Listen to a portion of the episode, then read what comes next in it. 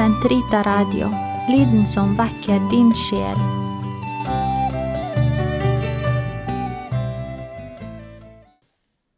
Den katolske kirkes katekisme, uke 52, tirsdag 1051 til 1060.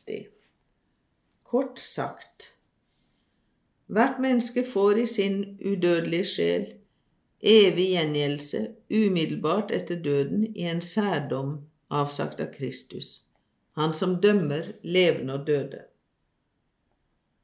Vi tror at sjelene til alle dem som er gått bort i Kristi nåde, tilhører Guds folk hinsides døden. Den skal endelig bli beseiret på oppstandelsens dag, da sjelene blir forenet med sine legemer. Vi tror at den store skare av dem som er forent med Jesus og Maria i paradis, utgjør den seirende kirke.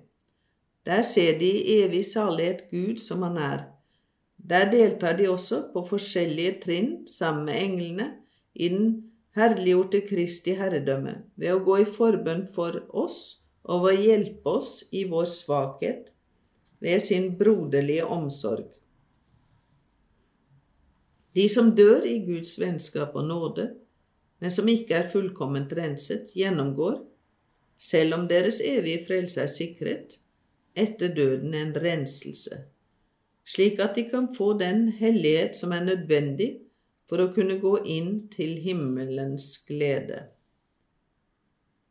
I kraft av de hellige samfunn anbefaler Kirken de avdøde til Guds miskunn og bærer forbønner fremfor dem, især det hellige eukaristiske offer.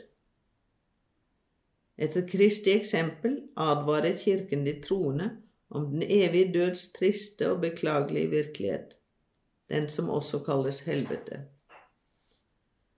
Helvetets verste straff består i å være adskilt fra Gud for alltid, fra ham i hvem mennesket alene kan ha det liv og den lykke det er skapt for og lengter etter.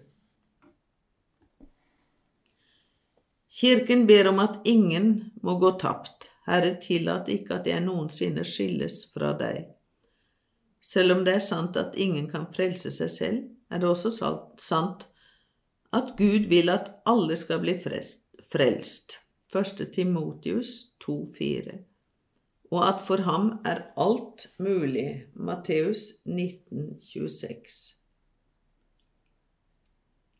Den samme hellige romerske kirke tror fullt og fast og hevder med alvor at ikke desto mindre skal alle mennesker på dommens dag tre frem for Kristi domstol med sine legemer og avlegge regnskap for det de har gjort. Ved tidens ende vil Guds rike nå sin fylde.